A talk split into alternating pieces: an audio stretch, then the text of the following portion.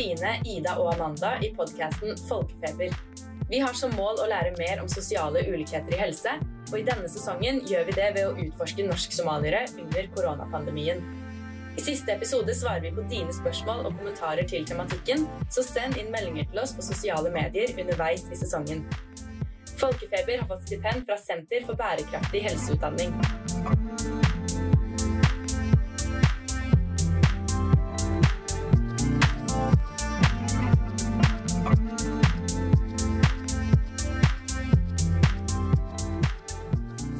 Velkommen til ny episode med Folkefeber. I dag er det meg, Amanda og Emma som sitter her. Hei. I dag skal vi fokusere på frivillighetens rolle for norsk-somaliere under korona, koronapandemien. Ja. Og til å snakke med oss i dag er vi veldig heldige å ha med Faisa Washame. Mm. Velkommen, Faisa. Tusen takk skal dere ha. Du er sosionom, stemmer det? Mm. Og driver den frivillige organisasjonen Håp kompetanse. Ja. Og du er også kåret til Årets norsk-somaliske kvinne Ja. av organisasjonen Innocence Norge. Det er det. Mm. Uh, og vi har også hørt at du har gjort en veldig stor innsats under koronapandemien. Ja, Godt å høre. mm. Så vi lurer på om du kan starte med å fortelle litt om den frivillige innsatsen du har gjort nå. Mm. Ja, altså, jeg tenker at uh, under den koronapandemien så tror jeg at det var en pandemi som rett og slett eh, traff oss alle, hele verden. Eh, det var nye måter å leve på. Eh, ulike Altså, folk ble vi måtte finne rett og slett andre måter å på en måte leve dagene våre. Det var under at noen måtte ha hjemmekontor, folk måtte være hjemme. En, eh, perioder hvor barn en, måtte bli igjen fra skolen på grunn av, for, for å rett og slett bare minske spredningen av smitten. Så under alt det, når vi så, så var det, så, så vi, hørte vi først at det var i Sverige, det var flertall av uh, den svensk-somaliske befolkningen var eh, overrepresentert. Og Sverige er jo et, uh, et naboland som vi assosierer oss med. Så vi tenkte at uh, når først de, somal eh, de svenske somalske legene slo alarm, så tenkte vi herregud, her må det gjøres noe. Um, og da var det så, såpass tidlig at til og med FHI ikke hadde kommet ut med den statistikken, men da fikk vi jo noen em, lokale ildsjeler da, en, eh, med helsefaglig bakgrunn til å ta kontakt med FHI og få ut noe av de tallene, slik at vi også kan se hva det vi kan ta med tilbake til folk. Vi må jo ha noe fakta, vi må jo ha noe tall. Um, så det var, det var et enormt engasjement og mobilisering blant folk. Um, jeg tror alle bidro, alle norsk-somaliere har bidratt på sin måte. Um, uh, uavhengig av hvilken yrke de hadde, så tror jeg alle har gitt en liten bit av seg sjøl. Og jeg tror det har noe med at folk rett og slett tenkte at man, her må man redde liv. Men sa du at det var dere som ba FHI om å komme med den statistikken? Ja. Det var det faktisk. Det ante jeg ikke. Ja, en, tingen er at når vi først så at det kom ut en rapport fra svensk-somalske leger som, sa, som slo alarm og sa at det her var flere en, Nå husker jeg ikke helt riktig den datoen, men da hadde det kommet fram at det var 15, en, 15 eller 16 en, dødsfall, hvor seks var av uh, svensk-somalsk opprinnelse. Det er jo ganske mange. Um, og da er vi klart tydelig overrepresentert i, i, de statistikkene. Så når det kom ut, så, allerede, så hadde vi allerede også begynt å få telefoner av nærmeste familier, venner, kollegaer som visste om ulike familiemedlemmer som var på sykehusene. Noen var i respirator, noen var i isolasjon, um, andre var i karantene. Så vi hadde jo det, og i tillegg, når den varselen kom fra, fra de svenske legene, da var det liksom bare å ta kontakt med FHI og etterspørre tall. Så da hadde, faktisk hadde ikke de tallene ennå hadde blitt publisert. Og jeg tror det var en, en uten å på en måte kunne svare på FHIs vegne, men at det var liksom kanskje et spørsmål om man bør publisere disse tallene i frykt for at det skal medføre stigma enn det de vil gjøre til nytte. Så vi fikk jo de tallene. Men hvorfor var det viktig å få de tallene, tror du? Jeg tror for oss var det veldig viktig å få de tallene. En, selv om vi visste også hva utfallet Vi visste også det kunne slå helt den motsatte en, effekten av det vi så for oss. Men vi tenkte at med tall så er vi sikre på hva vi sier til folk. Vi var så redde for å gi unødvendig skremselspropaganda til folk. Og jeg tenker at hvis det er hvis det var såpass mange i Norge som var en, altså med minoriteter, hvis den somaliske populasjonen var overrepresentert, så trengte vi tall for å få ting til å, til å gå, for å mobilisere folk, for å kontakte moskeene. For å rett og slett slå på stortromma i jungeltelegrafen og si her, her, sliter vi virkelig, her må vi en, på en måte berge liv. Mm. Så jeg tror for oss var det viktig, men, men tingen er Vi tenkte også på at det her kommer jo, kan jo også slå feil. Vi kan jo også i, på den andre siden bli pisket av media for at somaliere er overrepresentert i, i, statistikken. Og det følte vi nå på, dessverre, i etterkant også. At folk um, Det virket mer som at man um, som at media kanskje frontet det litt sånn at, at man var litt sånn uh, uforsiktig og satt i kafeer, i klynger, og, og, det var liksom ikke det som var årsaken til at det var de smittene. Jeg tror bare at uh, media på en måte unnlot litt å ta på de reelle faktaene. Men det som var veldig godt å se, da, var det også det, altså det ekstreme engasjementet blant en somalske utdannede unge folk som tok tak i ulike en kontakt med ulike folk som lå på sykehusene og spurte hvilken yrkesrolle har du hatt under altså På hvilken måte har du blitt smitta? Og da viste det seg at de fleste som var smitta, var jo en, det var jo taxisjåfører og bussjåfører som, uh, som hadde kritisk samfunnsfunksjon. Så det var liksom, For oss var det også godt å på en måte kunne slå litt tilbake på det og si at sånn er det ikke. Det er ikke bare fordi vi sitter på kafeer og, og, og, rett og slett ikke bryr oss om lover og regler. Det har noe med forståelse, språkbarrieren, det er, det er de klasseskillene, det er trangboheten, og det er alt annet som følger med at man ikke har adgang til hjemmekontor. Så for å få til en mobilisering så var det viktig faktisk med tall. Mm. Mm. Men nå i ettertid, når man ser tilbake på alt som har stått i media, og det sto veldig mye om norsksomalere mm. dagene etter den statistikken, føler du nå at det har kommet at bildet nå er riktig i media av situasjonen, eller føler, tror du at mange norsk-somaliere fortsatt føler at de er misforstått? Eh, jeg tror at eh, jeg tror egentlig at somaliere i en eh, ganske lang periode nå har følt seg misforstått.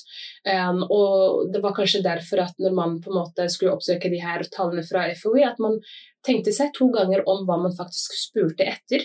Man har tross alt et ansvar for at folk ikke skal bli hånet, ikke bli trakassert. Det har dessverre skjedd at folk Jeg kjenner til sykepleiere som eh, som deres brukere ikke ønsket skulle stelle dem, fordi rett og slett de var av somalisk opprinnelse. Eh, jeg vet at av småbarn som i lekeplassene, vennene deres ville ikke snakke, leke med dem fordi de mente at de var på en måte bærere av, av, en, av det viruset. Eh, og det er liksom mange ting man kan på en måte trekke fra, men jeg tror at eh, når man faktisk begynte å, å å motsi litt tilbake og på en måte trekke fram like ulike årsaker. Andre årsaker enn at det her var bare mannfolk i Grønland som samlet seg på kafeer. Så tror jeg vi begynte kanskje å få litt mer nyansert bilde. Og i etterkant så var det også godt å se at jeg tror det var i, i, begynnelsen, av, januar, eh, i begynnelsen av juni at det sto faktisk på, på, på i media at, Somalia, at det begynte å bli reduksjon av uh, antall smittede somaliere. Og da tenkte vi herregud, da har vi faktisk vært med på å gjøre en endring. Vi har faktisk vært med på å hjelpe. Og jeg tror det er det som er så godt med den frivillige innsatsen, fordi vi når grupper som staten, kommuner, bydelen ikke når fram til. Eh, vi har helt andre kanaler å bruke. Vi benyttet oss av f.eks. WhatsApp-grupper eh, som, som, hadde 2000-4000 medlemmer. ble det benyttet av. Så det her var liksom ikke Og det er ikke bare gjennom Håp kompetanse, det her var mange folk uavhengig av organisasjon, en, uh, ulike bakgrunn. Dette var folk som rett og slett bare samlet seg for å tenke ok, nå, nå, nå, er det, nå, er det, plikten som kaller. Nå må vi alle sammen på en måte bidra med det vi kan. Mm. Og Når du snakker om dette med jungeltelegrafen, er det de WhatsApp-gruppene? Kan du fortelle litt mer om hvordan det Ja, en, uh, jungeltelegrafen er jo, hva skal jeg si, det, mest, det er jo den mest effektive kanalen å nå alle på. Det er ulike WhatsApp-grupper. Vi har hatt en sykepleier som het Samia, som har hatt den WhatsApp-gruppen. Utrolig dyktig kvinne. Hun har bl.a. sagt seg villig, i samarbeid med Ayan Bashir, som også er lege, til å på en måte snakke om smitte der. Og jeg tenker at det å snakke direkte til 2000-3000 folk, som igjen videre sprer det budskapet. Man når langt med den, med, med den type kanal. En, og det var også viktig for oss å benytte oss av moskeen, imamer. En, snakke til, med naboer, ringe til eldre som igjen ringer videre til sine venner. Så det er all den nettverken som dessverre en, det er alle de nettverkene og de kanalene som man bruker for å få den informasjonen ut, og det tror jeg vi faktisk har altså det, var, det var et vellykket måte å gjennomføre det på. En, framfor å forvente at, sant, at på FHI sin side så står det på somalsk om koronainformasjon. Det er ikke alle som vet hva FHI står for. Det er ikke alle som vet hvordan de skal taste seg frem til selve hjemmesiden og finne språket. Og jeg tror de som på en måte har blitt eh, de som kan jo bli mest rammet, er jo uavhengig av en etnisitet nå. Det er jo folk med, med, med digitale svake ferdigheter som ikke kan en, For alt er så digitalt nå. Det er veldig lite. Det er, det er, jo ikke sånn at man har jo sendt brev i posten om koronainformasjon på ulike språk. Det er jo ikke det. Ting er jo på nett. Og dessverre, det er ikke alle sammen. Og da tenker jeg på den eldre generasjonen. Jeg tenker på en um, av både minoritet og, og, og, kanskje etnisk norske. Men det som jeg tror også skiller seg litt ut, er, er den tilgangen til informasjon det er ikke alle som har den tilgangen, det er ikke alle som har det språket. Uten at jeg kan nevne det som en, som en årsak til at de er som er smitten. Men det kan være en, en, av de faktorene som faktisk har vært med på en, å øke. Fordi jeg husker at uh, i begynnelsen så ble det omtalt som en forkjølelse. Og folk tar jo ikke forkjølelse sånn super på alvor. Folk er jo forkjøla, men de går jo ut fortsatt. Folk er forkjøla og drar fortsatt til, uh, til, til, til venner og Ikke sant? Men jeg tror at det at man på en måte brukte begrepet som forkjølelse i oversettelsen i begynnelsen på Somas, eh, ufarliggjorde også covid-19, mm. som vi har forstått i etterkant. Og den informasjonen som var tilgjengelig på somalisk. Vi har ikke anledning til å gå inn og vurdere kvaliteten på det, men jeg lurer på Var det en direkte oversettelse? Var det noen tilpasninger? Uh, vet du om, hvordan det ble Jeg tror, at, jeg tror det var det kanskje nærmeste man kom uh, når man oversatte det. Uten at jeg i dag skal sitte her og kritisere, fordi det er, det er så fort gjort å være så veldig sånn etterpåklok, men jeg tror at, uh, jeg tror at når man Eh, når man oversatte i tekstene, så hadde man ikke en, eh, så hadde man ikke et begrep på somalsk som på en måte Det ble enten oversatt enten til Jeg har sett både oversettelse av infeksjon og forkjølelse, men det er liksom kun det jeg så da, av, av de ulike oversettelsene. Og begge de to blir jo feil når det kommer til eh, når det, når det er snakk om korona. En, og ikke bare det, så syns vi i begynnelsen så var det litt lite om korona en, um, på somalsk, men så ble det bedre. Vi har en, det er også noen, bl.a. Ayan Bashir, som har kontaktet FoU, som har fått til, en, fått til å lage en video en, og i samarbeid med de Eh, og jeg tenker at Slike videosnutter som igjen blir delt er ikke sant, over nesten til hele verden, den, den har nådd ganske mange.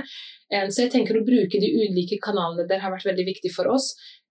Samtidig som jeg kan faktisk si med hånd på hjertet at informasjonen i begynnelsen den var ikke god nok, men den ble bedre etter hvert. Når man også en, gjorde FHI bevisst på at her var det altfor lite informasjon.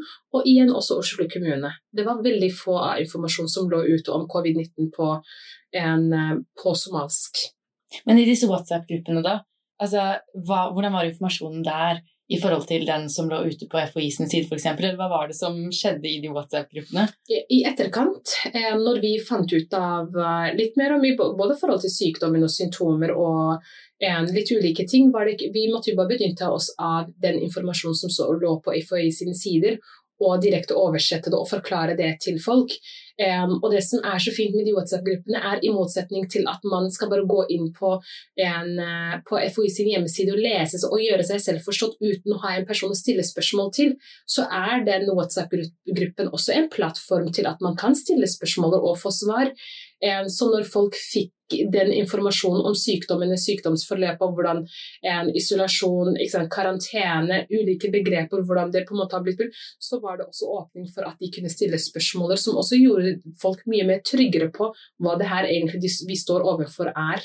Men det høres ut som en veldig imponerende mobilisering, og jeg skjønner ikke helt hvordan man kan få så mange mennesker inn i Masa-klippet. Altså, hvordan startet det? Og hvordan fikk man med så mange? Jeg, jeg, tror, at, eh, jeg tror, ikke at, eh, at det ble oppretta pga. korona, men det her var jo eksisterte kanaler fra før av. Mm. Så man tenkte at vet du hva, for å nå flest mulig, så må man benytte seg av, av WhatsApp-gruppene, man må benytte seg av moskeene, man må benytte seg av en, alle andre kanaler som man har tilgang til.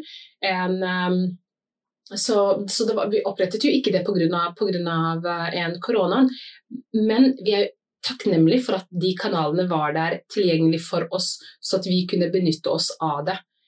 For virkelig så har man nådd eh, ganske langt med det. Og, og det er jo ikke bare i Norge der det var i den WhatsApp-gruppen, det er jo ikke bare folk fra Norge, det er jo stort sett fra Norden og nesten hele verden som folk kan være medlemmer av. Så det folk som hørte på, var jo en, eh, var folk som bodde både i Sverige og Danmark og Finland og andre steder også. Så på den måten så sprer den informasjonen seg ut, da. En riktig informasjon. Og hvem var det som tok initiativ til å spre den informasjonen? Altså, hvem er det du uh, har samarbeidet med og jobbet med for uh, de stillene? Uh, skal jeg prøve å få med alle uten å glemme noen? ne, altså, tingen er um, Jeg husker at jeg ble kontaktet av Marian Hussein vår kjære SV-politiker, hun uh, husker jeg var, var, i hvert fall bekymra og sa um, at det kom, hadde kommet um, noe alarmerende tall fra Sverige um, om somaliere. Det var før FHI sin statistikk? Det var før FHI sin mm. statistikk. En, vi hadde koblet også på Ayan Bashir. En, vi fikk med Samia, Samia, som også er uh, sykepleier. Um, og da, vi, vi, hadde også med en del andre som også på en måte var med i både kampanjen og liksom til å, til å sette altså til, til, å på en måte en, drive det hele med oss. Men, uh, en, um, men det jeg tror var kanskje viktigst for oss, var hvordan måte vi skulle organisere oss, for vi hadde så knapt med tid. Og jeg husker at det var en, um, vi hadde jo hjemmekontoret, det var ting som skulle gjøres samtidig som vi sto midt Så jeg husker at det var flere dager vi sto liksom ti timer på telefon og skulle fikse ting og ordne ting, og det var bare Det var flere, flere netter flere søvnløse netter, rett og slett, hvor man tenkte ikke sant, at hvordan, hvordan kommer vi i kontakt med, med bydelen, Oslo kommune, FHI, en, folka en ute, den eldre generasjonen, hvem tar av seg hva? vi er mange, men samtidig så syns vi også at oppgavene også var så såpass store såpass omfattende at når man kastet seg også ut i det, så var det plutselig så mye som på en måte det, det var så mange ting man skulle fikse før man, man begynte med det. Vi startet også bl.a. med en innsamlingsaksjon av leker. Og vi fikk jo folk til å vaske, desinfisere leker og komme med bøker til en aktivitetshus som ligger på KM, som man igjen skulle levere med Og man tar jo også vare på den eh, smitteverntiltakene, men også til barn som var innestengt i Knutsmo leiligheter.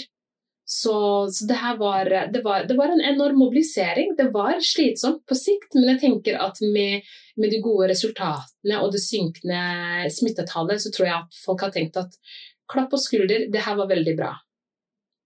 Er det noen spesielle møter med smittede eller folk i befolkningen som, som sitter igjen hos deg, eller, eller no, noe du kjenner i etterkant at uh, har vært rørende? Ja, jeg tror at uh, når vi i etterkant av, um, av publiseringen av uh, tallene på FHI, så det, det, var jo da vi startet med koronatelefon på somalsk. En, og den koronatelefonen på somalsk den ble jo tatt på sparken i farta en, eh, ikke har jeg sett maken til at man har klart å få til et kontor. Få innredet en kontor på tre dager og fått kjøpt inn ting, varer og alt som på en måte skulle stelles fram. En, og, da, og, når vi allerede begynte å spre informasjon om den telefonen første dagen, så tenkte vi at det ville jo ta folk et par dager å ringe inn. En, men vi startet, jeg tror det var klokken åtte var åpningssiden, og før åtte så begynte den telefonen å ringe. Og den ringet i ett sett helt til klokka åtte på kvelden. Og det var bare så hektisk. Og da så vi at vet du hva, vi må ha flere linjer. Fordi vi så at det var folk som sto på vent i telefonen mens vi ikke klarte å bli ferdig med, eh, med folk. Eh, og jeg tror kanskje hvis jeg skal særlig trekke frem en spesiell rørende historie, var en eldre mann som hadde ringt. Han, han var veldig dårlig. Han hadde vært innlagt på sykehuset en, for covid-19. Han, han, hadde blitt skrevet ut, en, hadde kommet hjem, en, og så ble han veldig dårlig. Og da ringte han til oss og sa jeg vet ikke hva jeg skal gjøre, men jeg føler meg ikke bra. En, jeg har ikke noe helsefaglig bakgrunn. Jeg, det var jeg som svarte på telefonen en, den dagen. Men vi, også, både, vi, hadde jo også leger og sykepleiere på vakt. Og da tenkte jeg at personen her, den mannen, hørtes så alvorlig syk ut at jeg tenkte at uh, her må noen med helsefaglig bakgrunn ta over. Og jeg husker det var en sykepleier som tok over. En, og spurte han litt sånn enkle spørsmål som sant, hva er adressen din, hvor, hvor, altså, hvordan, hvordan, er formen din? Og han fortalte jo at han sleit med å puste fortsatt, eh, men at han hadde blitt skrevet ut. Og så sa hun, eh, og så husker jeg at hun spurte etter adressen, og han spurte jo henne flere ganger hva skal du med min adresse? Eh, og så sa hun jeg skal fortelle deg det, men jeg trenger først å vite hva din adresse er. Og idet hun hadde fått vite hans adresse, så hadde jo hun tidligere da sagt at må nesten, vi må nesten ringe ambulansen, og det ville han ikke. Men han var veldig dårlig, han ble faktisk dårligere på telefon også. Så husker jeg at hun bare skriver til meg 'ring 113'. Og da gjorde vi det. Jeg ringte 113, og så en, ga vi adressen på mannen, og så sa vi her er det en veldig veldig syk mann, og tror dere må innom og hente, og hente han. En, vi var jo veldig spent på og tenkte herregud, hva er det som har skjedd med mannen? Vi ville virkelig vite det, men herlighet, dagen etter så ringte han fra sykehuset. Og han ringte for å takke og si tusen, tusen takk, for da hadde, han, da hadde det vist seg at han hadde fått infeksjon i lungene. Og han var veldig dårlig. Så han hadde jo fått oksygentilførsel med en gang. Men jeg tenker at eh, Og han snakket jo knapt norsk. Så jeg tenker hvis han hadde ringt en, den vanlige koronatelefonen på norsk, så jeg vet ikke om fordi på det tidspunktet så hadde de ikke heller noen på Somak som kunne bemanne en eh, telefon for dem der. Men jeg tenker at folk hadde jo ikke forstått han, og i verste fall så kunne det gått riktig galt. Så jeg tenker at, eh, Og da tenker jeg at da, vi har faktisk vært med på å redde liv, og det er, en, det er en veldig god følelse. Der og da er det ganske sjokkerende om man blir litt sånn man blir litt skjelven og tenker herregud, det her er veldig dramatisk. Men i etterkant, når han ringer og takker, så tenker jeg herregud, vi har gjort noe riktig. Koronatelefonen var, var det rette å opprette, faktisk. Mm, det er et fantastisk eksempel. Mm. Men koronatelefonen, hvor lenge var den aktiv? Altså hvor, hvor stor ble den? Du, den, um, den, var aktiv i nesten to måneder. En, um, og den uh, Jeg tror vi fikk telefon fra det skulle være et lokalt nummer. Det skulle være for Oslo-beboere. Men det ble jo et uh, landsdekkende nummer, og da fikk vi, te fikk vi telefoner fra hele landet, rett og slett. En folk som Enkle spørsmål som isolasjon og karantene. Hva er det, ikke sant? En, uh, hvis jeg blir påvist en covid-19, kan jeg dra til butikken og handle med munnbind? Og det er litt sånn, sånne små ting som jeg tror folk bare trengte å vite. En, mødre og fedre som var, som var bekymra. Rett før til og med når man skulle tilbake til skolen. Og vi var bekymra for men hva skal vi gjøre, kan vi holde barna våre hjemme? En, um, blir skolen bekymret hvis vi holder barnet hjemme? Det er liksom sånne enkle spørsmål som jeg tror at folk trenger et sted å komme til for å føle seg både trygg og ivaretatt, og et sted hvor de kan snakke med folk på deres morsmål og på en måte få dem til å forklare dem, gi dem den dybdeforståelsen de trenger for rett og slett, rett og slett bli også trygge på seg selv og, og, på en måte ta gode vurderinger som foreldre også. Var det bare norskmadere som ringte inn, eller var det f.eks. også eh, folk fra andre minoriteter eller helt andre som ringte dere? Det var, det var et par ganger vi fikk, eh, vi fikk telefon fra andre. En, um, og, da, og, hvis det, og, hvis vedkommende snakket norsk, så var det ikke noe problem. Da kunne vi, da en kunne vi svare på de spørsmålene. En, eh, men jeg tenker at um, de få gangene vi har hatt en afghansk mann som f.eks. har ringt inn, og han kunne veldig lite eh, norsk, og vi kan jo ikke afghansk, ikke sant? så vi mm, det ble jo ikke noe, Da ble det liksom ikke noe samtale ut fra der. Så jeg tror at eh, det er faktisk viktig å tenke på at, ikke, at det er bare en koronatelefon på somalisk, men så at man har et sted hvor man kan bemanne telefon, koronatelefon på ulike språk. Så at man rett og slett også for jeg, tror at kommunikasjon redder liv, faktisk, under, under, slike pandemier. Folk trenger å få tilgang til å, til å, til å på en måte få snakket med, med folk hvor de kan forklare, få forklare sine symptomer med deres egne ord. Hva gjorde dere når det kom spørsmål som dere ikke var sikre på svaret? Altså jeg ser for meg at folk ringer og spør om mye forskjellig, og jeg har jo sittet selv på FHI sine sider og prøvd å forstå forskjellen mellom ulike ting. Mm. Um, hvordan var det for dere å håndtere det? Um, jeg tror vi har opplevd mye av det den første uken, at det var veldig mye ting som vi også var litt sånn usikre på, som du sier. og en, og ting vi tenkte herregud, nå må vi jo liksom gå i oss selv og gå tilbake til FHI sin sider og prøve å finne ut av det. Men det som var fint, var at folk var faktisk veldig forståelsesfulle. Vi sa til dem vi tar, skriver deres ned nummer, og så ringer vi det tilbake dere om, om, om en time, to timer, hvor langt det måtte ta oss. Og det gjorde hva? Det tror jeg det ble Jeg tror at man tok oss da kanskje enda mer seriøst enn å bare gi noe som man på en måte antar og gir en sånn form for antagelse på hva vi tror og hva vi mener og synsinger, og det, det ønsket vi jo ikke. En, um, så, vi, så, det var liksom på den måten vi Og man blir jo flinkere til etter hvert. Så det var liksom etter to uker med drift av koronatelefonen, så var det ikke noe spørsmål som, var, som man satt igjen og var litt sånn usikre på. Men første uken, uken så husker jeg at det var, det var mange spørsmål som bare folk tenkte hva var det egentlig for noe? For man har jo liksom ikke heller det fasitsvaret foran seg også på alt. Noen ganger så må man også ta en liten pause og si vet du hva, nå skal jeg bare inn på FOI sin side og skal jeg bare prøve å lese meg litt opp og se hva som faktisk står der. For det kommer jo også nye endringer stadig. Men hva gjorde du med resten av livet ditt og jobben din? Og, altså det virker som du bare brukte enorme mengder tid på dette her. Jeg skjønner mm. ikke hvor den energien kom fra. Altså Visste du så fort det ble et så stort problem, skjønte du at dette er noe jeg bare må gjøre?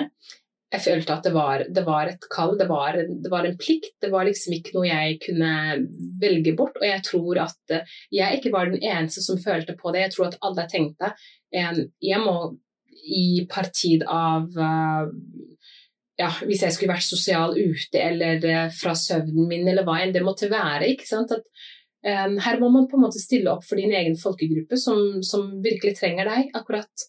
og jeg tenker at jeg har jobbet frivillig i, ganske, i mange år, og jeg tror at det var første gang jeg kjente at vet du hva, det her er, det her er min plikt, jeg må fullføre det. Um, og det førte til at uh, selv som tobarnsmor jobber 100% ved siden av, så var det også viktig for meg å på en måte kunne delegere jobben, få til noen andre som på en måte kunne gjøre det. Um, få inn studenter som kunne bemanne koronatelefonen, ha den på en måte den, um, en, um, den styringen på en måte oven, ovenifra. Jeg var ikke den som satt og svarte på telefonene, men jeg var kanskje den som på en måte holdt på med styringen og driften, og at vaktskiftet gikk flytende. En, selv mens jeg var på jobb. Så det var jo det var veldig hektisk, og det var veldig vanskelig, for å være helt ærlig. Men, eh, men jeg er veldig glad i dag for at vi gjorde det. For jeg tror det, det har nådd langt, og det har ført til at det har en redusert smitten. Det har fått til at folk har blitt mer bevisste på hva sykdommen er i forhold til sykdomsforløpet. Jeg tror at vi, det rett og slett har ført til at vi, vi har truffet en kjernegruppe som jeg tenker at kanskje staten ikke hadde ellers klart å komme inn på. Det er så imponerende å høre på. Jeg får gåsehud. for sak. Du har blitt en slags frontfigur for eller kanskje mange når de tenker på norsk-somaliere og korona, så ser de kanskje deg og tenker på deg. Og vi snakket jo også litt om hvordan media har omtalt den gruppen og stigmatisering og sånt. Jeg lurer på om du har fått mye kritikk, eller om du har følt noe At det har vært utfordrende å jobbe med denne gruppen? Mm. Jeg tror ikke Altså, jeg, jeg, tror vi alle har prøvd en um, altså Somalia Jeg tror vi alle sammen har på en måte prøvd å bidra inn i den, uh, den frivillige biten. En, um, og vi visste jo på en eller annen måte at, um, at det vil, kanskje det statistikken på de tallene det vil kanskje bli brukt litt annerledes enn det som var på en måte hensikten vår når vi sendte ut de, de tallene. En, uh, men jeg tenker at uh, jeg personlig har ikke opplevd noen sånn form for hets, men jeg ser jo hva som blir skrevet på, på ulike forumer. Jeg ser jo hva som blir skrevet på nett, hva folk sier under artikler som omhandler at somaliere er flest smittet. Det er jo alt fra at de er en uh, urenslig gruppe av folk, til at det er folk som gir langt blaffen i en uh, smittevern og tiltak. En, um, så jeg tror at uh, Jeg tror kanskje ikke at media helt bevisst går inn for å svartmale, men jeg tror at hvilke bilder man også bruker til forsider har mye å si. Jeg tror at jeg også har sett og merket meg at man, når man har snakket om somaliere og koronasmitte i ulike artikler, så har man hentet et bilde fra en eller annen kafé på Grønland. Og jeg tror at folk leser, ser først bildet, for så å lese den overskriften. Og når du allerede ser for deg par somalske menn som naver og som sitter på en kafé i en hverdag i en klynge, så er det veldig lett å en, lese innholdet i den artikkelen helt skeivt også. En, og jeg tror dessverre det er det som har skjedd. En, jeg, det, jeg, kan ikke si at det, det, har ikke vært sånn vanskelig å stå i det, men det har kanskje vært tungt.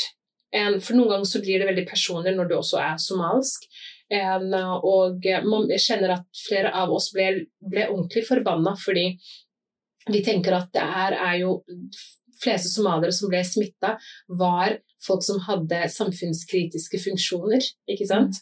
En stakkars mange av de taxisjåførene tok med sykdommen hjem til sine koner og barn en, uh, hvor de også ble på en måte smitta da, en, ikke har de mulighet til å separere seg fra familien. For det, har, det, er jo den trangboheten som også er utfordringa. Og man har liksom ikke de hjemmekontorene som folk kanskje på vestkanten ville i dag benyttet seg av. men jeg tror at det har mye med at man jeg tror man tok ting litt sånn ut av kontekst, og ikke var litt sånn realitetsorientert på hva en, det vil jo være helt sikkert noen som på en måte av en, og var litt sånn hensynsløse og kanskje ble smitta, men det er jo ikke det vi har fått fram til når vi har kontaktet en del en, um, somaliske menn som var innlagt på Lovisenberg sykehus, så var jo overrepresentasjon av taxisjåfører som var innlagt der. Og da tenker jeg at eh, det var jo ikke de som hadde reist ut og hentet hjem sykdommen, de var jo stakkars de som kjørte hjem fra dem fra, fra flyplassene. Og jeg tenker at å på en måte gjengjelde dem på den måten var, var faktisk vondt å lese. Går det inn på deg personlig? Det går inn på meg veldig personlig. For jeg tenker at her er det folk jeg eh, F.eks. en familie som jeg kjente, der både far og mor ble smitta, og begge de to havnet på sykehuset. Og, det, og heldigvis hadde de litt eldre barn, men jeg tenker at begge foreldrene deres var på sykehus. Og selv om det her var, det her var ikke noe småbarn, det her var kanskje 17-18-åringer og oppover, men allikevel den frykten de måtte oppleve for at begge deres foreldre, både mor og far, var innlagt på sykehus samtidig, det er jo mange man, man, jo, det er jo mange tanker som begynner å slå deg. hva om noen av foreldre, hva om begge ikke overlever? Hva om de blir kjempedårlige? Hvor lenge kommer de til å være det? Og det ansvaret som de barna på en måte blir sittende igjen med. Men så slår de på nyhetene, da, og det er liksom bilde av somaliere som på en måte sitter i kafeer, måten man omtaler dem på, ting, forumer de også barna går inn på og leser og tenker herregud, men det er jo ikke faren min dere snakker om. Faren min var faktisk offer. For, av hensynsløse folk. Folk som rett og slett ikke, ikke, tok ting på alvor. Folk som rett og slett ga blanken F hadde altså, nok penger til å ta med sykdommen hjem, rett og slett. Så da, og, jeg, og jeg blir litt sånn da, da, da, blir jeg, da kjenner jeg at jeg blir Som somal så går det litt sånn personlig inn på, på meg da. Men hva kan man gjøre for å motvirke eh, sånne negative fordommer mot somaliere? Jeg tror at I første omgang så tenker jeg at eh, media har et veldig stort ansvar når det kommer til det her med, med, med, med svartmaling av minoritetsgrupper som allerede ligger langt nede, for å si det sånn. En, um, og jeg tror at når man, når man, på en måte skal skrive ulike artikler om en, om en minoritetsgruppe, så skal man være litt forsiktig med hva man trekker fram. En, eh, jeg tror det var, mange, det var, en del somaliere som prøvde å uttale seg, også på media, som kanskje en, prøvde å forsvare seg selv med nebb og klør og trakk fram at de var sosiale vesener og alt det, men jeg tror det, det, det er ikke det det handler om at somaliere er en sosial folkegruppe som ikke klarer å la være å besøke hverandre. Det er ikke det det handler om. Det handler om helt andre faktorer. Det handler om klasseskillen vi har. Det handler om adgang til at du kan ha hjemmekontor for å ikke bli utsatt for smitte, kontra til de som er i førstelinjen, som møter på folk. Folk som blir ansett på samfunnskritiske funksjoner, men igjen på media ikke blir en, en snakket om som personer med samfunnskritisk funksjon. Så jeg hadde håpet på at når på måte, media begynner å snakke om somaliere, at man går også litt tilbake i tall på hvor mange er det som er innlagt på sykehuset, hvilken yrke har de? Hvilken klasse har de? Ikke sant? Er det hvilke bydeler bor de i. Jeg tror at Når man på en måte går inn i det, de ordentlige faktaene der, så kan man trekke fra mange ting. Da kan man få et større og et mer rettferdig og et helhetlig bilde enn å trekke frem det kulturelle med at vi er såpass sosiale vesen at vi ikke klarer å holde oss unna hverandre. Veldig, veldig viktige perspektiver. Mm. Mm. Vi har jo for å forberede oss prøvd å finne noen tall da, på, mm. på norskmalere, og, og, vi har slet litt med det. Mm. Um, det er veldig mange tall som handler generelt om innvandrergrupper, som ikke er delt inn på ulike minoritetsgrupper. Uh, og det har gjort det vanskelig både for oss å forberede oss. Men jeg tenker at det må også være en utfordring når man skal lage tiltak for visse grupper, og når man skal omtale grupper. Um, er det noe måte, du har tenkt over eller savnet? At det burde være mer spesifikk informasjon om um, den, som beskriver den norsk-somaliske gruppen? Mm. Jeg tror at um, jeg tror det hadde vært en I hvert fall når man snakker om la oss si alt fra sysselsetting, arbeidsliv, når man snakker om somaliere, og antall hvor mange av de som er ute i arbeid. En, eh, og når det kommer også til, um, en, til korona. Så jeg tenker, når man snakker om generell statistikk og somaliere, så savner jeg en spesifikke tall på antall en, en norsk somalier som er under 18 år antall som er under 23 år. For jeg føler når man på en måte snakker om somaliere som en helhet, så er somaliere en ganske ung populasjon. En, eh, vi, altså det er, så jeg tenker at hvis man f.eks. i en statistikk unnlater å nevne antall som er under 18 år, så kan man fort få et feildata, feilstatistikk på en eh, på ulike ting man vil måle.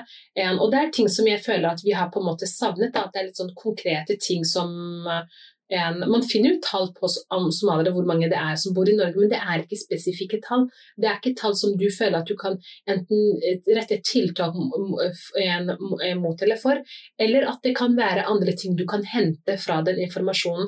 Så jeg tror det å på en måte styrke tall og finne fram en, reelle tall på, på den somaliske innvandrerbefolkningen, en, det vil, jo, det vil, jo, føre til at man på en måte får en uh, mer konkret fakta også når man omtaler dem i media. Men Du sa at da dere kontaktet FHI, så fikk dere jo faktisk tall. Mm. Jeg lurer litt på, tror du at det, tror du, hvis dere hadde spurt om disse tallene, mm. at FHI hadde vært samarbeidsvillige og vært enig med dere om at de er viktige, eller jeg tror at eh, når, eh, når, noen med helsefaglig bakgrunn hadde kontakt med FHI, så, det, så ble det litt sånn drøfta litt sånn fram og tilbake, og jeg tror FHI var også litt bevisst på at de her tallene kan bli brukt feil.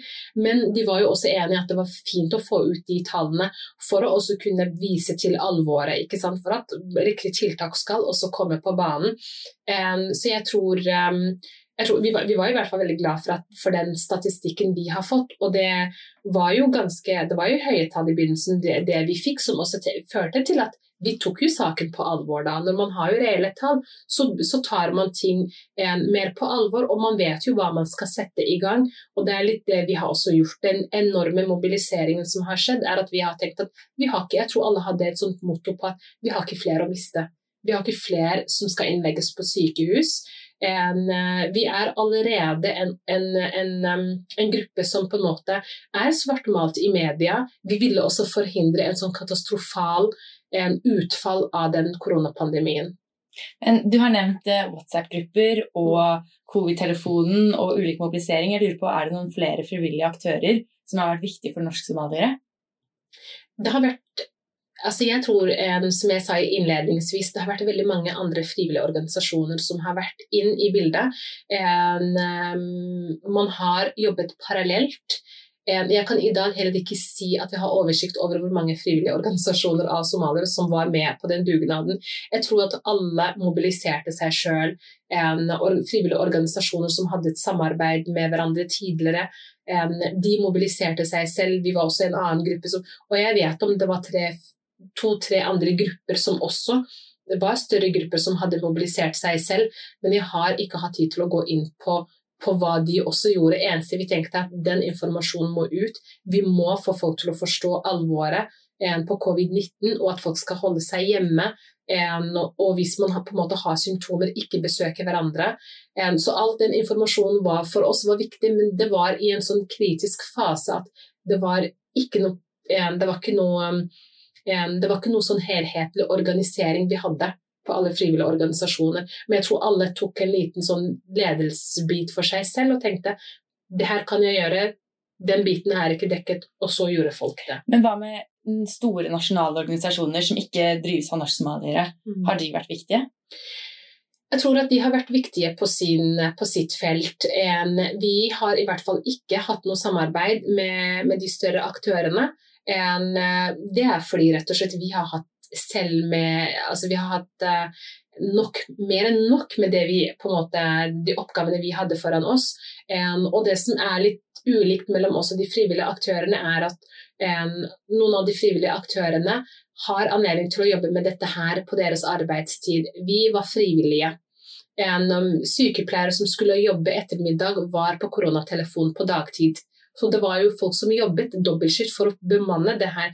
Så for oss, det å på en måte få til et samarbeid med andre organisasjoner som har sine driftsmidler når vi ikke har det, det har på en måte ikke kunnet klart å fungere helt parallelt med, med, med oss. Så jeg tror at, eh, at de større organisasjonene sikkert har vært viktige, men jeg tror allikevel at eh, de organisasjonene dessverre ikke har truffet målgruppen.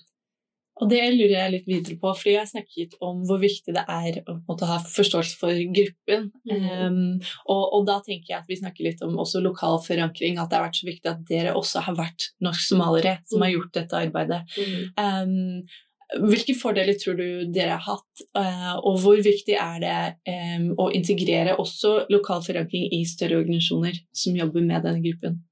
Jeg tror at eh, når det kommer til, eh, til for det første det med at um, vi har en fortrinn når, når, vi selv er norsk-somaliere og vi skal gi budskap til norsk-somaliere, så, så, vet vi på en måte hvilke knapper vi skal trykke. Vi vet hvor problemet ligger. Vi vet knutepunktene, i motsetning til, til andre større organisasjoner som på en måte jobber med, med norsk-somaliere. Men ikke jobb, man jobber med norsk-somaliere, men man jobber ikke med en, de marginale gruppene også. Og det er det vi på en måte har hatt fokus på. at Vi har tenkt at vi skal med den informasjonen vi har, så skal vi prøve å nå eldre. Nummer én. En, folk som er, eh, har svake digitale ferdigheter. De to gruppene har vært liksom hovedfokus for oss, samtidig som vi har tenkt at vi skal prøve å nå alle somaliere som, alle som, snakker, som har somalisk som, som morsmål. En, så vi har på en måte hatt den fortrinnen på at vi en, eh, vi har visst hvordan vi skulle kommunisere med folk. Vi vet hvordan folk skal på en måte ta oss på alvor. En, når imamer uttaler seg, så vet vi også at man tar dem, tar dem også veldig på alvor. De har også sine kanaler som de benytter seg av. Fredagsbønner som man også snakker om eh, disse utfordringene. Eh, så jeg tror at det har vært viktig å på en måte involvere eh, de større frivillige organisasjonene. Men det jeg også har savnet, er en, i de store organisasjonene som har jobbet med det her, så føler jeg at eh, liksom, fravær av en minoriteter en har, det, har, det, har, vært en, en fravær der. En, og at de også selv har en, føler jeg at de ikke har på en måte inkludert frivillige innvandrerorganisasjoner, som er kjernepunktet i det, i det, arbeidet som de gjorde. Og jeg vet at det er en, en, del organisasjoner, større aktører, som har tatt kontakt med noen frivillige, somaliske frivillige organisasjoner og spurt om et samarbeid. En, og det tenker jeg er bare bra, men jeg tenker også samtidig at en, når det også kommer til en utdeling av midler, så har det vært de, de blenda hvite organisasjonene som har fått de midlene, en, eh, en, istedenfor at det skulle ha gått til frivillige somaliske organisasjoner som vet hvor skoa tråkker. Og det har vi også lagt merke til, og vi lurer på hvor, hvordan ble det sånn? Var det det at de, de ikke søkte, de lokalt forankrede organisasjonene? En, tingen er um, Jeg tror noe Jeg tror ikke det var noe søknad, men, uh, en, um, men det var jo blant de seks organisasjonene som um, tre, Seks hovedorganisasjoner som vi fikk jo til sammen Var det var det kanskje var det seks mil eller noe? Ja, seks mil var en god del sum altså, som de organisasjonene fikk. Og det vi syns var veldig spesielt, er hvor var moskeene, hvor var alle de frivillige innvandrerorganisasjonene inn i bildet her, som har gjort en fantastisk jobb. Vi har jo bl.a. fått masse mediedekning på hvor bra jobb vi har gjort i koronatelefonen, men samtidig, når vi søkte penger fra IMDi, ekstra tilskudd til koronamidler, så fikk vi avslag. Mm. Og da tenker jeg, når man, når man, gir avslag til en sånn koronatelefon som har fungert såpass bra, og jeg tenker at det egentlig burde ha gått på statens eh, en, Gått fra statens kasse på statens regning, egentlig. En, um, for jeg tenker at eh, Her kan man også snakke litt om en, grensesnittet mellom det frivillige en, og hva som er på en måte kommunen og statens ansvar også. En, men jeg tenker at man har dessverre, når det kommer til organisasjoner, så er det Jeg vet ikke om det er fordi man ikke har den troverdigheten på at en, små innvandrerorganisasjoner ikke vil gjøre det like bra, ikke vil levere like bra kvalitet som andre. Men jeg tenker at jeg tror under pandemien så Hvis man ikke har lært det, så bør man legge seg merke til at det beste en, det som på en måte har trukket seg frem mest nå, det er de frivillige organisasjonene som har stått på. Og da er det ikke bare somaliere, jeg trekker fram alle en andre nasjonaliteter som har stått på uten å fått fem flate øre for den jobben, og prøvd å berge liv, faktisk. Så det å på en måte en kaste, feie under teppet det arbeidet de har gjort, det er som at man på en måte vi, altså det, det, blir med andre ord at man ikke har tillit til deg som en organisasjon, når man ikke ønsker å gi deg de tilskuddene. Um, vi har jo også snakket litt om um, For vi har jo sett at det har vært økning av smitte. Og vi har jo vært bekymra for Men hva om det samme skjer igjen? Hva, hva, hva skal vi gjøre? En, og da har ikke vi midler til å starte opp igjen en koronatelefon. Det, vi, har, vi, har jo ikke det. Så jeg håper at uh, Oslo kommune er godt forberedt, hvis det skulle i hvert, i, være i hvert fall først, det verste fallet ute. Men vi håper jo virkelig ikke det. Vi håper at uh, ting går nedover, at vi blir kvitt det her. Har de kontaktet dere? Altså har de, eh, Oslo kommune har de tatt kontakt og spurt hva det var som funka, hvordan de kan ta over dette ansvaret, hva som skal gjøres videre? Nei. Det har ikke vært noen som har tatt kontakt. En, eh, og det er jo Og jeg tror litt det er fordi man en, For det første så har vi jo gjort en jobb som, som Oslo kommune burde på en måte stått for. Og jeg tenker med bemanningen av den koronatelefonen Folk kommer kom seg ikke gjennom den linjen. Og jeg tenker da men hva med folk som også ikke snakker flytende norsk? Hva, hva, hva med de som har begrenset norskferdigheter? Bør ikke det være også en um, Bør ikke det, de også ha en egen sted, et eget plattform som de også kan kontakte for å få den helsehjelpen de trenger? Og det er det, det, er det jeg tror også bekymret meg veldig under koronapandemien, fordi da ser man også da blir man liksom Man ser også klasseskillet. ikke sant? Er du etnisk norsk og snakker flytende norsk, så har du lettere for å komme deg gjennom alle systemer, kontra hvis det skal være moren min som er i 60-åra, som snakker gebrokken norsk, som ikke klarer kanskje å, å, å beskrive godt nok de symptomene hun har. Hun vil jo få sikkert langt mindre en, um, en, råd og veiledning enn det man ellers hadde fått. Så jeg håper at det her er en litt sånn type vekker for oss videre. Men hva tror du man kan gjøre da for at offentlige tiltak framover, um, eller hvis det blir en ny bølge, skal, um, skal fungere for norsk-somaliere? Altså hvordan kan de tiltakene dere har gjort, som åpenbart har funket, bli dratt inn i offentlige tiltak?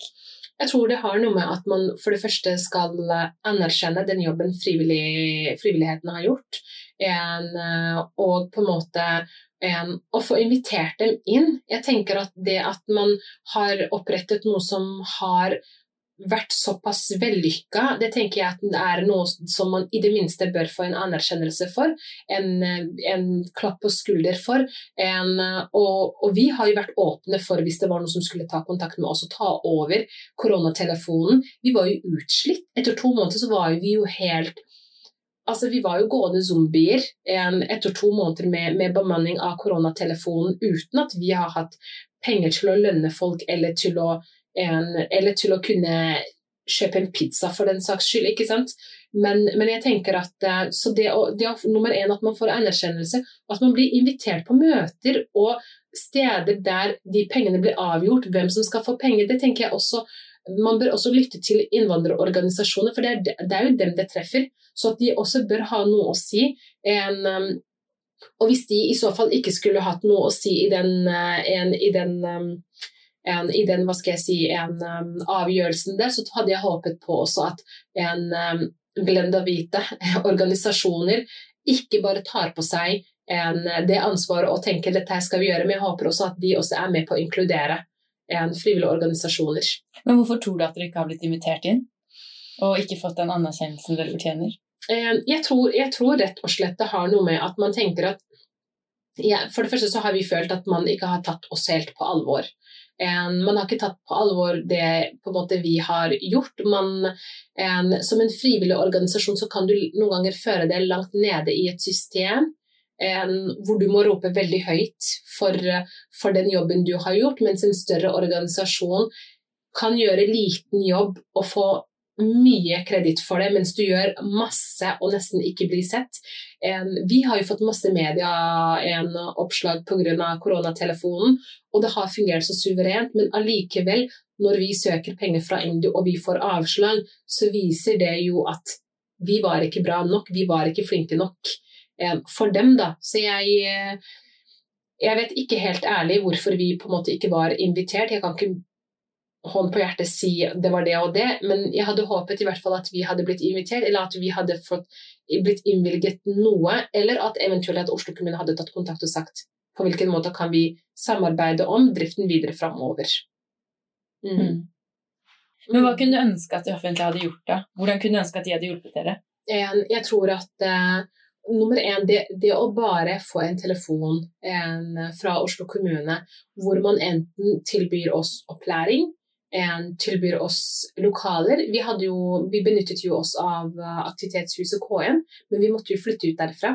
Så vi var jo på et lite lokal på Deval Val skole på Grønland. Mm. Og jeg tenker at uh, på en måte det å, det å ha en så viktig rolle en, og komme med et så en, jeg, tenker, jeg sier jo rett og slett at det er livreddende tiltak, det vi har hatt. Det at du ikke har stabile eh, lokaler, at du ikke har noen driftsmidler, ikke blir tilbudt opplæring, veiledning, en, ikke blir tilbudt hjelp til kartlegging.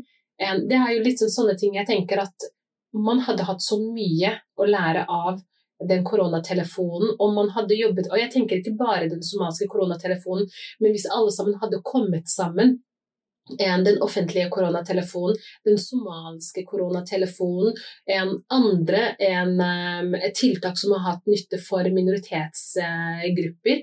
Jeg tenker at Hvis vi på en måte hadde blitt samlet da, sammen for å kunne kartlegge og på en måte bli bedre rysta til neste bølge, jeg tror det hadde hatt bedre forutsetning for å lykkes, men jeg ser fortsatt at vi er dessverre i, i fortsatt våre fotspor. Det er fortsatt ikke noen som enten har kontaktet til oss, eller Og jeg ser heller ikke for meg at noen kommer til å kontakte oss videre. fordi vi, jeg tenker at vi er jo i midten av den andre bølgen, og det er ingen som har tatt kontakt. Og da tenker jeg at har det noe å si at Um, må, må, vi være en blenda hvit organisasjon for å få støtte? Eh, det vet jeg ikke. Um, og jeg vet at ulike kriterier, um, at det er ulike kriterier, og kanskje for, for frivilligheten så vil det no, i noen tilfeller bli vanskeligere. Men når vi fikk avslag på søknaden vår, var det for at vi hadde fått søkt for høy sum. Men jeg tenker at hva er det man forventer i en drift av en koronatelefon som bemannes hver dag, når man vet at det er overrepresentasjon av somaliere som er flest smitta, og man har gått ut med det. og en, og, og FHI, en FHI har kommet ut med sine statistikker. Hva er det vi skal forvente da? Skal man fortsatt søke om 200 000-300 000 som man har gjort i aktivitetsmidler? Nei. Da skal man søke om et millionbeløp, minst 1,5 i hvert fall, for å kunne få driftet dette her, og for at dette her skal bli et ordentlig seriøst tiltak. En, og jeg syns man feier det litt sånn under teppet når man tenker at um, nei, men da har man søkt for høy beløp, men hva forventer man da? Skal man ok, Av de ti som jobber på koronatelefonen, forventer man da at man skal dele opp 500 000 i lønn for dem? Det er jo litt sånn, det er ting som er så urettferdig når man tenker seg veldig godt om. Um, og det har ført til at vi dessverre måtte legge ned koronatelefonen. og det Var med et... Var det derfor dere la den ned? Det var derfor vi la den ned. Mm. Og det var et, med tungt hjerte at vi måtte legge den ned. fordi til siste dag når vi slo av telefonen, så ringte den fortsatt. Wow. Og det var veldig trist. Og, veldig, og jeg tenker at med den, all den jobben man har gjort i koronatelefonen, at man rett og slett ikke får gjennom fullført det tiltaket pga. pengemangel. Vi sliter ikke med penger. Det er ikke det. Men det er prioriteringene av hvem som skal få pengene, som er utfordringa. Ikke sant? Og det jeg vet med de store organisasjonene, de hadde ikke engang begynt på tiltak når vi allerede hadde tiltak. De hadde ikke engang begynt å sette seg ned. De hadde først fått penger, og så skulle de klekke ut en plan. Vi hadde allerede en plan, vi visste allerede hva vi skulle. Vi satt allerede på et kontor med hodetelefoner og besvarte koronatelefon på somalisk, og vi fikk ikke fem flate øre. Men har dere tatt mye kontakt selv med det offentlige for å si ifra? I etterkant har vi ikke gjort det, rett og slett. Fordi har Jeg tror at man har følt seg litt liten i etterkant. Man har tenkt at man har gjort såpass mye, man har puttet så mye energi. Vi har jo invitert, vi har vært veldig åpne for media, åpnet opp flere ganger. Og man har vært innom og filmet og en, um, hatt ulike intervjuer med oss. Jeg tror vi har vært på BBC-nyhetene, hvor uh, en, vår kjære koordinator Habon Beksi har vært og uttalt seg der. Det er en internasjonal kanal. og og jeg tenker at Når man får typ, slike typer invitasjoner fra internasjonale kanaler, um, og vi har på en måte publisert og vi har fått den mediedekningen Vi har ikke hatt mangel på mediedekning, men allikevel så måtte vi avslutte tiltaket pga. penger. Da har det vært litt sårt for oss å igjen stille fram i media og snakke om at nei, men nå har vi igjen ikke sant, blitt Vi er ikke med på den andre runden heller fordi vi ikke var gode nok. Jeg tror det har vært litt tungt for oss, og så har man på en måte valgt å legge det ned, men ikke, og ikke ta den kampen videre. Vi har heller valgt å ikke klage, til og med på avslaget fra IMDi, fordi vi tenkte at en, hvis, hvis, det er det som er grunnlaget, så har vi ikke noen grunn for å søke penger. Men tror dere hadde fått penger hvis det hadde vært en annen minoritetsgruppe det hadde gjaldt? For eksempel, for svensker, da. Svensker i Norge, at det var de som hadde gjort denne mobiliseringen. Tror du det hadde vært annerledes da? Det kan hende, men jeg er ikke helt sikker. Men jeg tror, at, uh, jeg tror bare det at uh, du for det første er en, er, en, er en, minoritet. Du er en minoritet som er svartmalt av media. En, jeg føler at vi må jobbe hardere, vi må løpe fortere. Vi må stå lengre i situasjoner enn en det andre folk vil gjøre. Og jeg tror det er det vi også har kjent litt på kroppen nå, når vi har hatt en koronatelefon. At vi har tenkt at vi har måttet løpe fortere enn flere organisasjoner, jobbet hardere enn langt flere organisasjoner, sovet mindre enn langt hva andre folk har gjort. Men samtidig så, er, så, var ikke det godt nok, dessverre. Så jeg vet ikke helt om det hadde vært det samme med, med, med, med svensker, men jeg tror at kanskje eh, de hadde i hvert fall hatt en bedre forutsetning for å få noe enn, enn det vi har hatt. Mm. Jeg syns det har vært um, rett og slett veldig inspirerende å høre om hvor mye frivillig innsats har gått inn i dette. Um, og jeg tror vi har på en måte kommet frem til at uh, det er mye som, som har manglet da, av respons fra kommunen. Mm. Um, og der man håper at videre uh, blir gjort bedre. men jeg lurte på bare til slutt om du kunne snakke litt om Um, hvordan man skaper det engasjementet, eh, og hvor man finner det i seg selv og, og jobber så hardt for noe. Og, og hvordan, hvordan, man vet hvor, hvordan skal man gå frem. Det er veldig ofte jeg har sittet og tenkt ah, her er en ting som må ta tak i, men, men, det er ikke alltid jeg vet hva, hva er det første steget. Har du noen tips til eh, folk som sitter hjemme og føler at nå er det noe de brenner for? Mm, ja, jeg tenker at uh, det aller første det er jo en, å tenke at uh, ja, det her har jo vært min folkegruppe, så det treffer jo deg kanskje litt annerledes. Men jeg tror at en, jeg tror jeg hadde jobbet like mye om det hadde vært også en annen en nasjon, hvis jeg hadde hatt det samme innpasset. Så jeg tror at det har noe med at man må bare liksom føle litt på at en, ikke bare at det her er noe jeg gjør frivillig fordi jeg velger det, men i noen tilfeller tenke at det her er min plikt. Det, det, her er noe jeg må gjøre. Her har jeg faktisk ikke et valg. Og jeg tror med en sånn slik holdning så vil du utelukke alt annet av, av distraheringer som vil komme. I dag er jeg sliten, jeg orker ikke, det, det, det her blir for tungvint. Da, da, på en måte eliminerer du alt det liksom, som på en måte kan forstyrre en, en, eh, den, den, avgjørelsen du tar. Da. Så når jeg i begynnelsen så hvor mye jobb det var, og jeg jobber 100 ved siden av og har i tillegg to barn, så tenkte jeg at vet du hva, det her er noe jeg må bare Det her er en plikt, jeg må gjøre det. En, eh, og det er ikke hver dag en plikt kaller, men når den gjør det, så må jeg bare nesten da, da må jeg bare adlyde og på en måte få satt i gang. Så jeg tror at det man må kjenne litt på jeg tror man må også kjenne litt på hva, hva er det du kan bidra med inn i en gruppe. En, hva er dine sterke sider? En, er det det som kreves, hvis det er det som kreves? Do it, ikke just do it. Ikke tenk på det, liksom. Da, da gjør man bare den handlingen. Um, og jeg tror at det vil på en måte gi deg mye mer tilbake som et menneske. Når du på en måte gjør en frivillig innsats for noen, så vil du, så vil du få en veldig god følelse av det i etterkant. Selv om det er veldig slitsomt i noen tilfeller. Hvordan ser dagene dine ut nå? Er det fortsatt mye jobb med korona? Nei, det er ikke det, faktisk. dagene mine er, er litt enklere. Litt, nå, litt mer, nå, puster jeg litt roligere, går saktere. en, uh, og, og, det, og, det, er faktisk en god følelse, det også. En, men jeg håper jo virkelig en, ikke at vi får en, en, skikkelig ny runde. For da vet vi faktisk ikke, da, da vet vi ikke helt hvordan vi skal gjøre det. Um, um, så det, da, dagene ser faktisk mye bedre ut nå, men um, vi får håpe at plikten ikke kaller det en gang til. Ja. Mm -hmm. Det siste spørsmålet vi stiller deg, eh, jeg tror det er det siste, i hvert fall, er det stiller vi til alle som er med i podkasten. Mm. Eh, hva vil du at lytterne skal sitte igjen med etter denne episoden med deg? Ja, det er et veldig godt spørsmål, altså.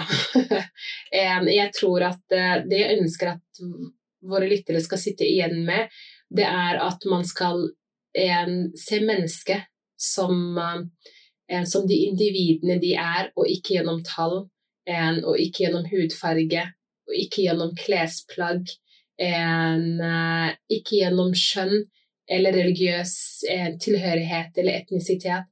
Jeg håper at vi kan få til få, få lytterne våre til å innse at det vi snakker om, er mennesker som oss. Det er en mor, det er en far, det er et lite barn. Det er mødre som jobber, det er noen som er syke, det er noen som er på Nav, det er noen som er sosionomer som meg, noen som er leger. Så det at man fordi ofte så ser jeg at folk er veldig hensynsløse når det kommer til nett. Mange nettroller.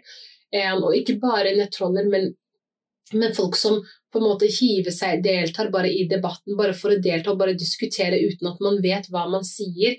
Jeg tror vi har et felles, et kollektiv ansvar på å ta vare på hverandre, at vi inkluderer hverandre. Og at vi på en måte ikke holder noen utenfor, for det kan man gjøre med ord og handling. Når man omtaler somaliere som som en gruppe som som sitter på kafeer og ikke følger lover, og at det er derfor de er smitta, så kan det veldig fort føre til at du ikke blir tatt seriøst. Folk vil ikke være i nærheten av deg.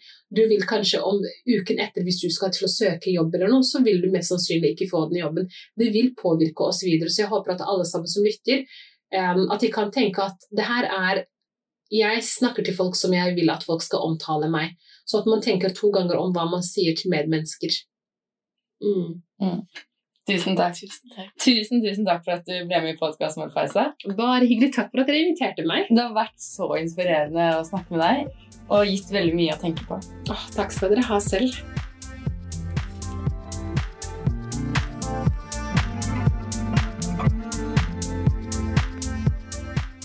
Det var en skikkelig spennende samtale med Faisa.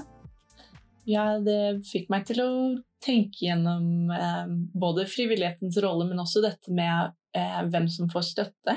Det syns jeg var Ja. noe av det mest interessante som kom frem. Jeg syns det var nesten sjokkerende at det offentlige ikke har tatt kontakt med Faisa og med de frivillige i det norsk-somaliske miljøet. Det var veldig overraskende, syns jeg. Jeg lurer litt, altså Det blir spennende.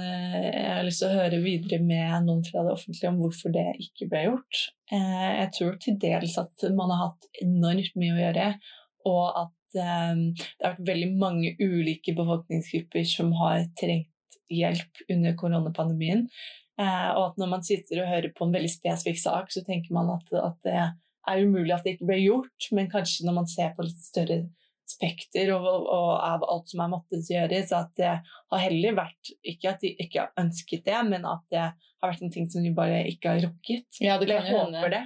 Og de har tenkt ja, de, det fungerer jo bra i det norsk-somaliske miljøet nå, nå går smitten ned, da kan vi fokusere på andre grupper.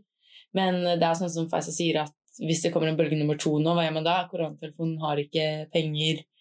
Det offentlige ikke, vet ikke hvordan de skal, skal takle smitte i det norsk-somaliske miljøet. Så Spesielt når vi har at det, offentlige har jo koronatelefon. Og jeg tenker her, for å få til samarbeid, det kunne vært så enkelt som å bare si at ok, vi oppretter en operatørplass til en av dere, og dere kan sitte sammen med oss. Mm. Og det ville ha styrket også tilbudet fra deres side, fordi da ville de ha kunnet spørre de andre som jobber i koronatelefonen, om det var noe de var usikre på. Um, så det, det kunne på en måte Ok, kanskje man ikke får til med en gang å, å få ha noe lønningssystem eller å integrert de, på en måte de to telefonene sammen, men man kan i hvert fall være på samme sted. ja, og få anerkjennelse. Ja. Det, det er også, er jo bare det å få litt anerkjennelse hadde vært fint. Og det krever jo ikke så veldig mye. Nei, ikke sant. Og så tenker jeg at eh, det hun trakk frem som var veldig interessant, var dette med um, hvor mange minoriteter er representert i de både ulike tjenester og organisasjoner. Eh, og at det er veldig mange tiltak som, som skal ytes for norsk-somaliere som ikke er skapt eller diskutert med norsk-somaliere. Hvordan, hvordan er det vi i 2020 fortsetter med det? Jeg føler at det er noe man har gjort over lengre tid. Ehm, det siste punktet som jeg tenker kanskje ehm, var noe av det mest lærerike, for min del, var dette med å diskutere ansvar, hvor ansvaret ligger. Hun var jo ehm, mange ganger innom dette med at de dekket et behov som var en del av derfor, eller grunnen til at hun følte det kallet. Hun følte at hun måtte hjelpe, og at det var liv og død. Ah, Og, og da tenker jeg at da har det offentlige sviktet. Mm. Um, man har jo sviktet i å tilby tjenester som er godt nok, når det på en måte kan være eh, behov for frivillig innsats, innsats som er liv og død, og det ikke finnes en, et annet tilbud. Og det hadde vært en vinn-vinn-situasjon om Faiza og de andre i COVID-telefonen og de som har gjort en enorm innsats i det frivillige norsk-somaliske miljøet, samarbeider med det offentlige og store organisasjoner. Fordi mener, det offentlige det vil jo tjene på å samarbeide med noen som har lokal forankring i miljøet som de skal lage tiltak for. Jeg tenker man vil jo Det vil jo gå lettere, og man vil kunne få mer spissede tiltak som vil også kanskje bli billigere og en vinn-vinn-situasjon, da. Jeg tror nok en del av det er at når man har sånne søknadsprosesser, så, så for det første så kjenner man igjen noen organisasjoner, men for andre så er disse organisasjonene, de, de som er litt større, veldig drevne på å søke på Mm. riktig vis.